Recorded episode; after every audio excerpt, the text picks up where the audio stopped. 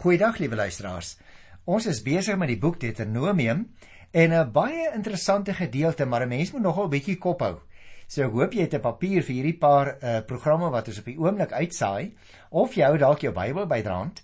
En dan sal jy onthou dat ek vir jou gesê het, ons is eintlik met die groot, ek wil amper vir jou sê die middelgedeelte of die sentrale gedeelte van die boek Deuteronomium besig wat dan ook die langste gedeelte is.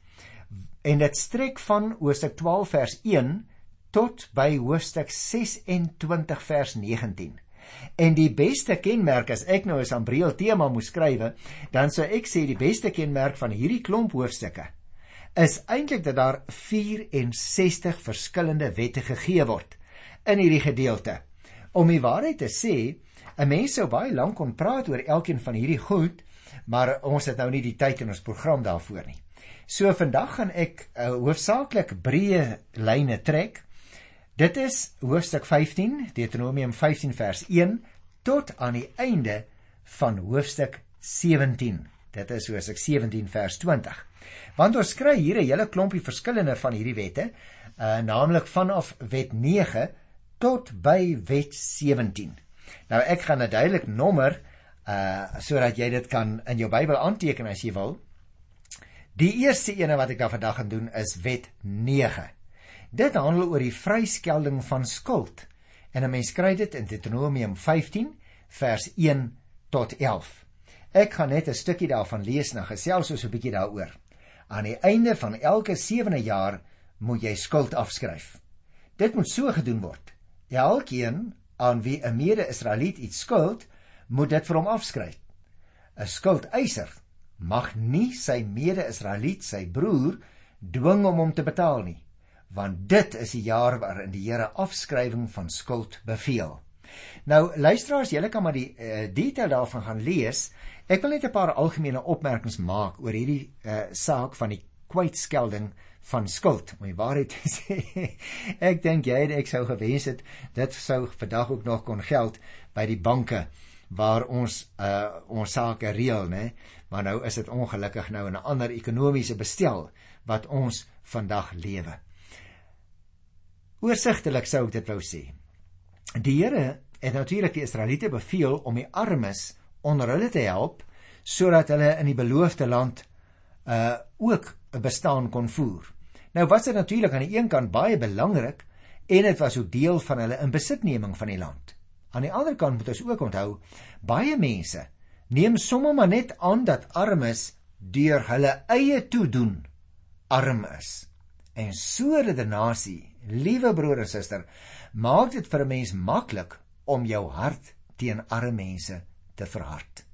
As jou vertrekpunt is, hulle is net maar gebore om arm te wees of hulle is deur hulle eie toedoen so arm dan is jou eie hart eintlik baie hard. Want jy sien, ons mag nie maar net verskonings uitdink waarom ons nie die armes wil help nie. En moet ons ook elke een ons kant vir hulle doen. Ons moet ons kant bring. Wie ook al vir hulle toestand verantwoordelik is. Al oor gedink? Wie is die armes in jou gemeenskap daar waar jy woon? Hoe kan die gemeente waaraan jy behoort hulle dalk help. As jou gemeente nie 'n program het waardeur hulle geïdentifiseer is en gehelp kan word nie, hoekom begin jy dan nie dalk met so 'n program nie? Of wil jy eintlik die verantwoordelikheid afskuif op ander mense? Het jy slim verklaringe waarom sommige mense arm is? Kyk weer na Deuteronomium 15. Dan vra jy vir jouself af, "Jo, maar hier is een ding vir my duidelik en dit is dat elke persoon wat aan die Here behoort het as deel van Oud-Israel 'n verantwoordelikheid gehad het om persoonlik uit sy eie oes, uit sy eie inkomste, uit sy eie opbrengs 'n deel te bring sodat armes versorg kan word. En 'n deel daarvan het dan bestaan uit die afskrywing van skuld. Iemand wat by jou huis werk in jou tuin of miskien uh daar by die werk en wat by jou persoonlik 'n paar rand kom leen vir iets wat dringend noodsaaklik is, het jy al daaraan gedink om dit af te skryf as daardie persoon dit wil terugbetaal? Want dalk het jy dit nie werklik nodig nie. Liewe broer en suster, die beginsel van vryskelling van skuld wat by die Here begin, gaan dus oor armes wat gehelp word. Die 10de wet wat vir ons aangeteken is, skryf mense in Deuteronomium 15 vers 12 tot 18. Kom ons lees ook daarvan so 'n stukkie. Die opskrif daarvan is oor slawe. Wanneer 'n mede-Israeliet, 'n Hebreër soos jy, 'n man of 'n vrou aan jou verkoop word en hy werk 6 jaar vir jou, moet jy hom in die 7de jaar vrylaat. Jy sien, ons het altyd die agtergrond onthou van hierdie wetgewings. Die Israeliete moes hulle slawe na 6 jaar bevry. En dan moet hulle laat gaan en vir hulle genoeg kos saamgee om te hou totdat hulle hulle toegelaat het om te hou totdat hulle weer by vermoëne mense kon uitkom. En hierdie daad luisteraars was 'n bevestiging van die feit dat die Here elke mens waardig geskape het. En daarom moes die Israeliete ook daaraan herinner word. En moes hulle hulle vroeëre slawe soos wat hulle self in Egipte was hulle moes dit 'n gedagte hou en dat hulle vryheid 'n geskenk van die Here was. Net so moet jy en ek ons werknemers ook vandag nog regverdig en met respek behandel. Mag ek vir jou vra liewe luisteraar doen jy dit? Want jy sien die Bybel vra dit vir my ook Ons kan nou interessant oor hierdie goed praat. Maar hoe behandel ek die mense wat vir my diens lewer? Behandel ek hulle met respek, met waardigheid? Hoe praat ek met hulle? Hoe praat my kinders met arme mense? Kom ons kom by die 11de wet. Dit gaan oor eerstelinge wat aan die Here gewy moes word en die mens kry dit in Deuteronomium 15 vers 19 tot by vers 23. Ek gaan weer vir jou maar net 'n stukkie daarvan lees. Jy moet by vers 19. Jy moet elke manlike eersteling wat daar onder jou groot vee en jou klein vee gebore word aan die Here jou God wy. Jy mag nie die eersteling van jou groot vee laat werk nie.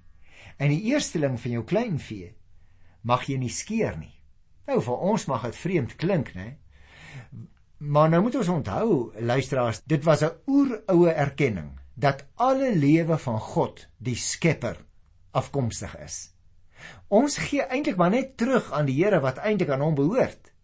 Hy het immers sy enigste seun vir ons gegee. Maar vir hierdie mense in die Ou Testament, hulle het dit nog nie geweet nie. Hulle het wel later in die geskiedenis begin glo aan 'n Messias wat sou kom. Maar op hierdie stadium onthou hulle is aan die einde van 'n woestyn tog. Dink hulle nie aan die Messias nie. Hulle dink aan die intog in die beloofde land. En nou herinner Moses vir hulle voordat hy sterwe. Hulle moet hulle eerstelinge aan die Here wy. Ek dink miskien is dit 'n stukkie ou wat sal ek dit noem volksgeloof wat oorgebly het dat mense partykeer dink my oudste kind die is darm 'n bietjie meer besonder as die ander. Nou natuurlik kan ons nie so redeneer nie. Dit het miskien vir my meer waarde dat dit die eerste ervaring was dat my vrou en ek 'n kind gehad het en die eerste een daarom vir ons heel besonder was, maar hy of sy mag nie meer besonder wees as die ander kinders nie.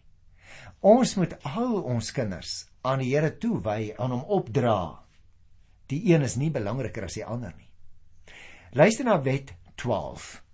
Dit staan hier in Deuteronomium 16 vers 1 tot 17 en ek gaan maar net weer 'n paar snitte maak uit die aard van die saak. Dit handel oor die verpligte jaarlikse bywoning van die drie hooffeeste. Nou dit sê jy baie goed onthou, liewe broer en suster, want selfs die Here Jesus het in sy tyd en daardie 3 3 en 'n half jaar uh wat hy selfs in die bediening gestaan het, gereeld die feeste in Jerusalem gaan bywoon. Ek bedoel nou natuurlik die tyd dat hulle in die woestyn tog was. Sommige van die feeste sou eers later in die geskiedenis ontstaan en daarom word hier nou omdat hierdie goed uit 'n later periode neergeskryf is. Jy onthou dit mos. Word uh uh dit nou ook hier gesê ons kry hier dus die neerslag van 'n tyd toe die drie feeste reeds bestaan het. Kom ek lees 'n versie wat hier in Hoofstuk 16 uh by vers 1 Onthou die maand Aviv. Nou tussen hakies luisteraars as jy 'n Bybel voor julle oop het, sê julle sal sien dit is nie twee v's wat ek nou uitgespreek het nie, maar in die uh Afrikaans is daar twee b's vir Benny, né? Hier staan onthou die maand Aviv. Spreuke mense dit uit terwyl ons in Afrikaans met 'n b skrywe, omdat dit in Hebreëus 'n w klank is. En tussen hakies, daardie woordjie beteken lente. As jy ooit uh, uit die vliegtuig sou klim in lente tyd, uh daar so by Lot lughawe naby die kus, die Middellandse See, dan uh, ruik jy dadelik die bloeisels. En dit is die lemoenbloeisels wat jy ruik, né? Uh en dit is waarvandaan die woordjie Aviv kom. Aviv of Tel Aviv. Nou breek onnodig uit. Uh maar is altyd interessant om goed te weet. Tel beteken ruïnehoop. So Tel Aviv beteken ruïnehoop van die lente.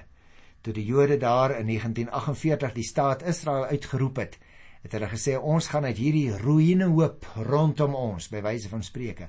Ons gaan uit hierdie ruïnehoop die lente weer laat bloei. En daarvandaan het die dorpie Tel Aviv sy naam gekry en ook die lughawe uh, Tel Aviv. Maar dit net is nagies. So hierso staan nou in Deuteronomium 6, onthou die maand Aviv en vier die Paasfees tot eer van die Here jou God. Dit was 'n nag in die maand Aviv dat die Here jou God uit jou uit Egipte laat trek het. Nou dis interessant dat dit hier staan. Elke manlike Israeliet sal jy onthou, moes 3 keer na die plek van aanbidding reis elke jaar. Kan die volgende versies lees en sal jy dit sien. En die plek waar God self teenwoordig sou wees, sou dan in 'n stad wees wat hy self sou aanwys daar in die beloofde land. Almal is by die feeste aangemoedig om te gee wat hulle kon, om sodoende te dink aan alles wat God vir hulle gedoen en gegee het. Jy sien dit gaan dus die hele tyd oor dankbaarheid. Die Here verwag nie van ons luisteraars om meer te gee as wat ons kan nie. Maar ons word geseën as ons met vreugde vir hom gee. Vir party mag dit 'n las wees om 10% te gee, maar vir die meeste van ons is dit heeltemal te min hoor. Kyk na alles wat jy het. Maak 'n slaggie sommetjie van alles wat jy uit die Here se hand ontvang en gee dan volgens dit wat jy ontvang het. Moenie wetties wees oor 'n dankbaarheidsaak nie, luisteraar. En daarom kan jy ook gerus as jy oor die Paasfees byvoorbeeld wil gaan lees, gaan kyk in Johannes 1 vers 29 of uh, Johannes 19 vers 14 of 19 vers 36, maar jy kan maar in die Nuwe Testament ook uh, spesifiek daarvoor 'n uh, eh, bietjie gaan naslaan. Die derde wet handel oor amptdraers en juridiese beginsels. En dit beslaan 'n hele klomp verse. In jou Bybel kan jy aanteken of merk, dit gaan hier van hoofstuk 16 vers 18 af tot by 19 vers 21. So dit is eintlik 'n 'n 'n lang gedeelte, maar die eh, spesifiek die 13de wet alleen handel oor een onderafdeling en dit strek net van Hosea 16 vers 18 tot 20. Deuteronomium 16 18 tot 20 dan die 13de wet. Kom ek lees vir jou 'n stukkie daarvan. In elke dorp wat die Here jou gee, moet jy regters en amptenare aanstel. Hulle moet die volk billik regeer en jy moet die regspraak so sy loop laat neem en vir niemand partydig wees nie. Wanneer jy reg spreek, mag jy geen omkoop geskenk aanneem nie want dit maak die wat van beter moet weet blind en laat die saak van die onskuldige skeefloop jy moet alleen laat geld wat reg is.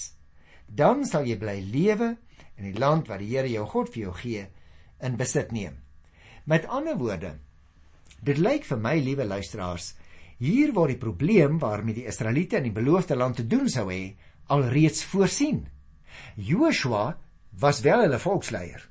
Maar hulle het naas hom ook nog ander geestelike leiers, godsdienstige en regverdige mense gekies wat oor die stamme regeer het of die streke in die stede. En daarvoor moes nou hierdie reëlings getref word. En daarom was daar ook natuurlik nou kan 'n mens verstaan voortdurend opstandigheid, daar was selfs onreg in hulle gemeenskappe En dit is nou hierdie aangestelde mense se verantwoordelikheid om verstandige en regverdige leiers aan te stel. Mag ek jou 'n vraag vra? Maak jy persoonlik seker dat reg en godvreesendheid in jou gemeenskap, in jou skool, in jou gemeente, in jou werk seëvier? Want jy is daarvoor mede-verantwoordelik. Liewe luisteraar, as jy 'n Christen is, jy sien, 'n gemeenskap kan vir homself probleme op die hals haal as hy nalat om sulke leiers aan te stel. En dit sou Israel weldra uitgevind het, hoor, want hulle het verkeerde mense aangestel in verkeerde poste. En nou kom ek noem jou voorbeeld. Nou is byvoorbeeld baie maklik om te sê, "Jy, daai ouens daar by die skoolkomitee of die skoolraad, hulle doen nie wat hulle veronderstel is om te doen nie." Ek wil vir jou vra, het jy al ooit daaraan gedink om ook daar betrokke te wees? Of laat jy nou maar die bestuur van die skool in ander mense se hande? Of help jy? Vra jy ander broers en susters van jou om te sê, "Maar ons het mos 'n verantwoordelikheid vir al die tyd dat ons kinders in die skool is. Dalk moet ons ook gaan belangstel, dalk moet ons ook ons insette maak sodat ons juis in hierdie tyd kan help sorg dat dit so Christelik moontlik is." Want jy sien broer en suster, daar is ook ander mense met ander gelowe wat ook op skoolkomitees dien en dit is hulle goeie reg. En dit sal nie help dat jy en ek op die kant van die baan langs die baan staan en kerm en kla daaroor dat die atmosfeer in die skool nie meer Christelik is as ons nie ook bereid is om 'n inset te maak nie. Kom ons kyk na die 14de gebod wat ons hier kry en hy is opgeteken in Deuteronomium 16 vers 21 tot by Hosea 17 vers 1. Dis die 14de gebod en dit handel uh daar oor die feit dat die Israeliete nie Kanaanitiese afgode mag gedien het nie. 14de gebod, Deuteronomium 16 vers 21 tot 17 vers 1. Ek lees vir jou ook daarvan so 'n paar versies want ek het al gesê ons kan nie al die goed natuurlik behandel tydens ons program nie. In 16 vers 21 staan daar geskrywe: Jy mag nie 'n gewyde paal implant langs die altaar wat jy vir die Here jou God gebou het nie. Jy mag ook nie vir jou 'n klippilaar oplig nie want die Here jou God haat sulke dinge. Jy mag nie vir die Here jou God 'n bees of 'n skaap offer wat 'n liggaamsgebrek of 'n letsel het nie. So iets is afskuwelik vir die Here jou God. Hulle word dus pertinent verbied om op die manier waarop die heidene offers gebring het aan die Here ook op 'n manier te bring waar die offer die Here nie waardig is nie. Liewe luisteraar, ons kan natuurlik nou hieroor ook lank gesels. Dit lyk vir my asof sommige Israeliete diere met liggaamsgebreke aan God geoffer het en daarom is hulle so duidelik verbied om dit te doen. Dit was juis in daardie dae, net soos vandag ook nog maar hoor, moeilik en duur om altyd ons allerbeste offers vir Here te gee. Dit is die heel eerste deel van ons inkomste het ek ook al van tevore gesê, né? Ons is so dikwels in die versoeking om vir die Here minder te gee as wat ons moet. In die versoeking om aan hom 'n afgewaterde offergawe te gee. Want dit gebeur selfs dat ons ook maar in aanhalingstekens gevang word as ons dit doen. Gevang word omdat ons so baie ander uitgawes het. En som, sommige van daardie uitgawes is ons eie toedoen. Ons koop goed wat ons moet afbetaal dat ons nie geld om 'n offergawe aan die Here te gee nie. Ons pak ons programme so vol dat ons nie meer tyd het om aan die Here af te staan nie. Ons gun onsself soms nie meer die voorreg om vir iemand wat siek is langs my of onder in die straat iets te eet te neem nie. En dis alles dinge wat ons kan doen.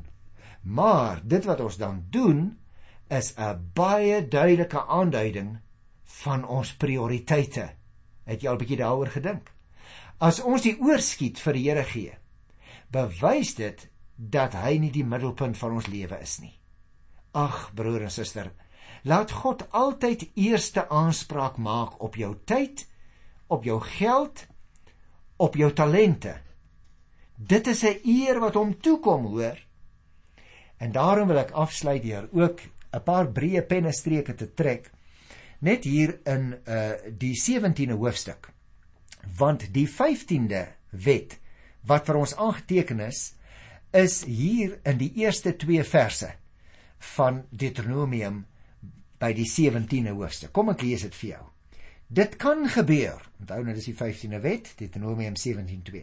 Dit kan gebeur dat jy in een van die dorpe wat die Here vir jou God jou God vir jou sal gee, 'n man of 'n vrou kry wat die verbond verbreek en doen wat verkeerd is in die oë van die Here. Deur ander gode te dien en te vereer, die son of die maan en ander liggame. Die Here het nie hierdie soort diens beveel nie. Jy sien liewe luisteraar, dit gaan dus hier oor die verbod om afgode nie te dien nie. Daarom wys hy nou vir hulle. Hierdie gebod is belangrik want daar is mense wat afgode dien.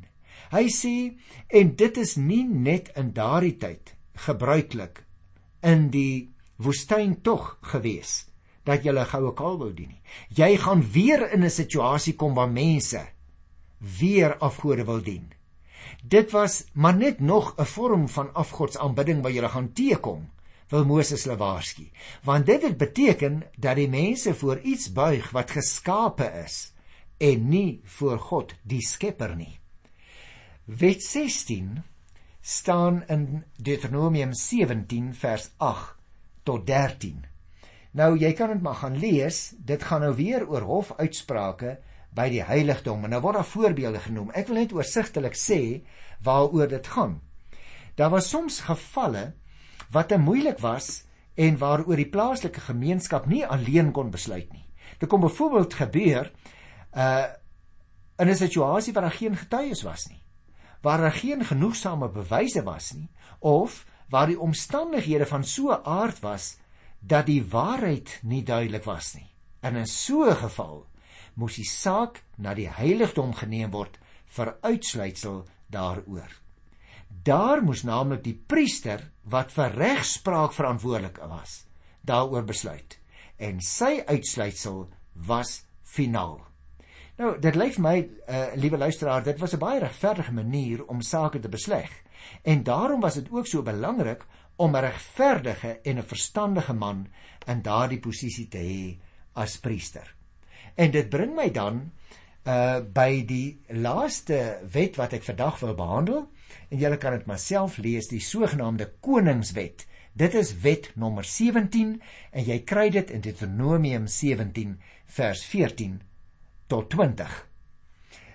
Dis 'n belangrike een hierdie want in die koningstyd het hulle dikwels hierheen teruggekom die koning en sy verantwoordelikheid. Ek wil net enkele opmerkings daaroor maak. Deuteronomium 17:14 tot 20, Wet 17. Die Here wou naamlik nie die volk aanmoedig om 'n koning te hê nie. Dit sê julle nog later agterkom, né? Ons gaan ons program nog daarby kom. Trouwens, hy was daarteen gekant, want hy was hulle koning en die mense moes aan hom gehoorsaam wees en hom volg. Hy het egter geweet dat hulle eendag om selfsugtige redes daarop sou aandring om 'n eie koning te hê net soos die nasies. Hulle sou naamlik net soos al die ander volkere 'n uh, 'n koning oor hulle aangestel wou hê. Gaan kyk maar 1 Samuel 8. Daarom wou Moses nou hê dat die regte persone gekies moes word. Juis die slag as hulle die Here om 'n koning sou vra. En hierdie opdrag is dus net ter wille van die volk wat 'n keuse moes maak, maar ook ter wille van die koning wat die volk reg en in ooreenstemming met God se wette sou moes lei. En daarom het hulle by voorbaat, voordat hulle nog op die punt gekom het om 'n eie koning te wil hê, hierdie opdrag van die Here ontvang. Nou luisteraars, lees dit gerus en uh, dan begin ons so die Here wil volgende keer by Deuteronomium die 18de hoofstuk. Tot volgende keer groet ek jou dan in sy wonderlike naam. Totsiens.